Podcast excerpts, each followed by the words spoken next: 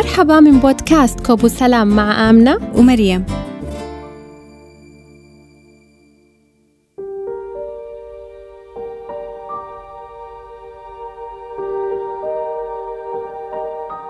اعتدنا أن نسمع ونقرأ في بداية كل عام عن الخطط والأهداف التي يضعها الكثيرون للتطوير وتحقيق الأحلام على الصعيد العلمي والعملي والاجتماعي.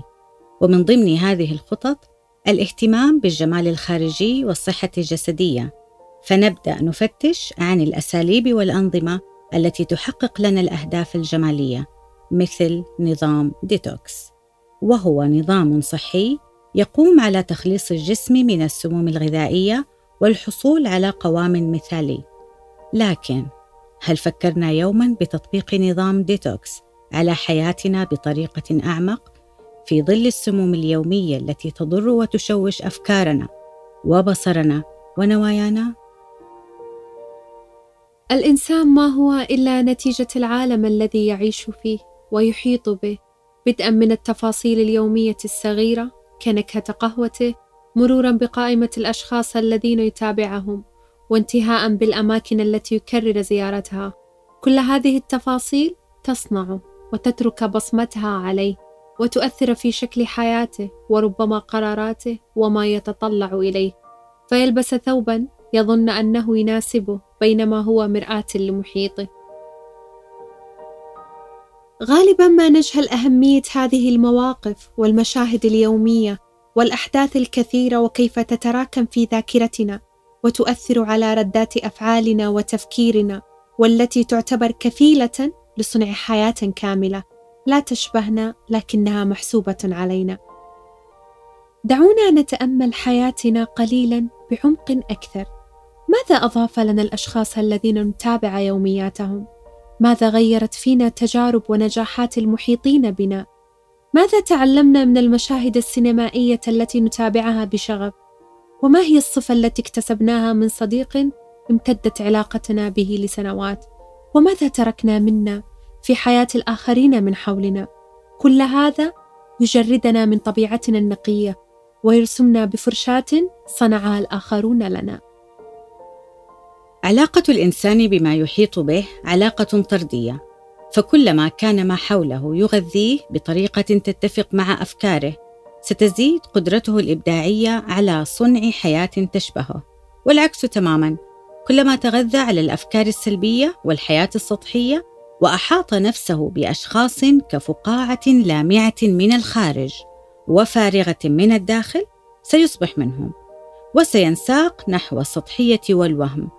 هذه التفاصيل تستنزف منا وتشوشنا.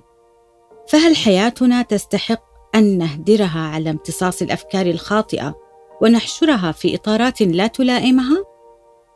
حياتنا بحاجة لفلترة وتنقية مستمرة بنظام الديتوكس حتى نسير نحو الطريق الصحيح ونجذب الطاقة الإيجابية نحو حياتنا وكل ما نحلم به.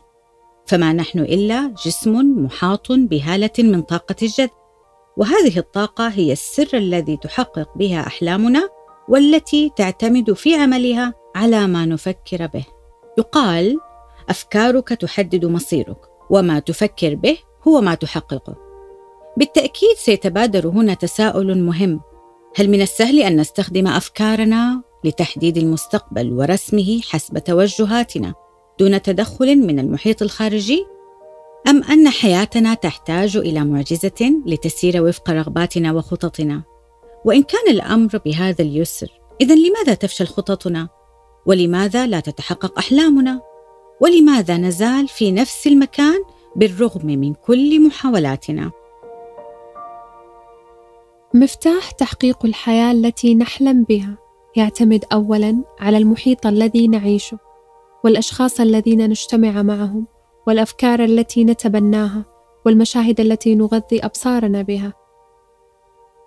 في أحد الاقتباسات الشهيرة للروائي باولو يقول فيه إذا رغبت في شيء فإن العالم كله يطاوعك لتحقيق رغباتك فهل سبق لك أن حلمت أن تسافر لدولة ما ووجدت أن الدنيا اتحدت لتحقق حلمك؟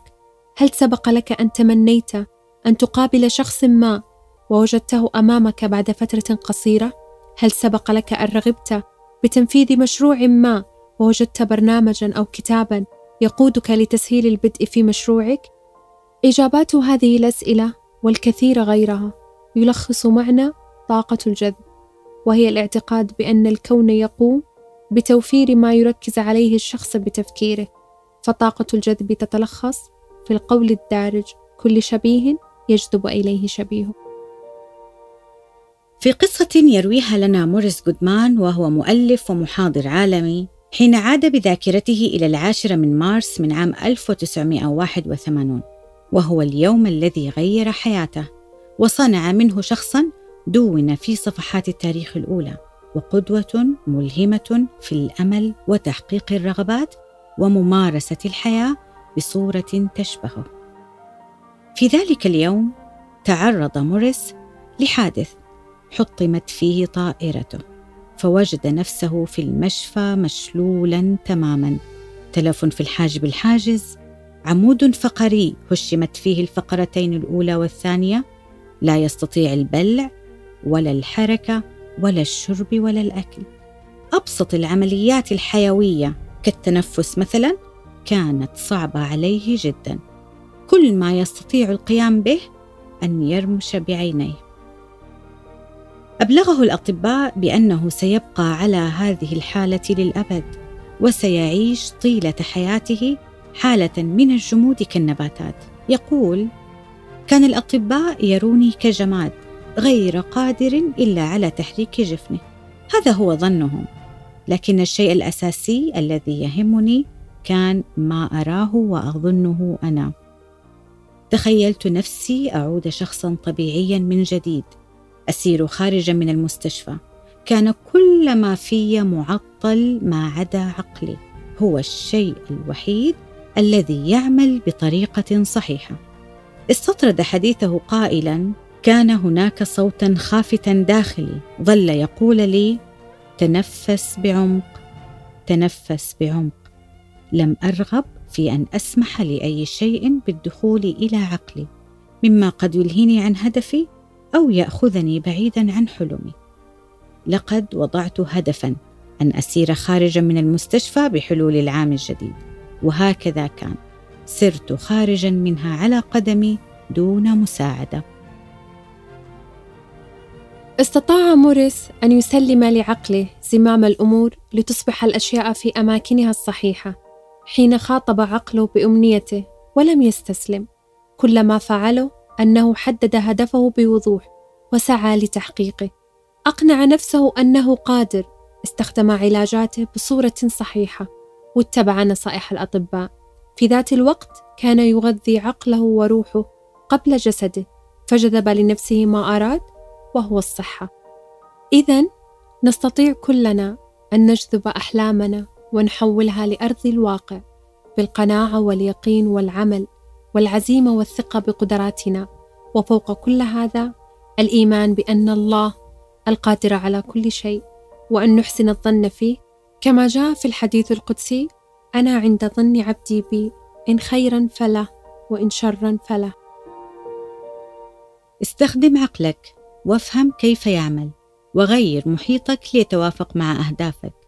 فكل الإنجازات والابتكارات لم تأتي بمحض صدفة أو حلم سقط على عين نائم فاستيقظ ليجده واقع. والأهم علينا استيعاب أن ما يناسب غيرنا قد لا يناسبنا. واعلم أنك تستطيع أن تسحب معك من تريد لعالمك أو سيسحبك غيرك لعالمه. وإن قررت أن تكون أنت القائد عليك اولا أن تهتم بنفسك وصحتك الجسمية والعقلية لتصل. تماما كما نقرأ في تعليمات السلامة في الطائرة. في حال حدوث نقص في الأكسجين ابدأ بنفسك اولا وارتدي مزود الأكسجين ثم ساعد من معك.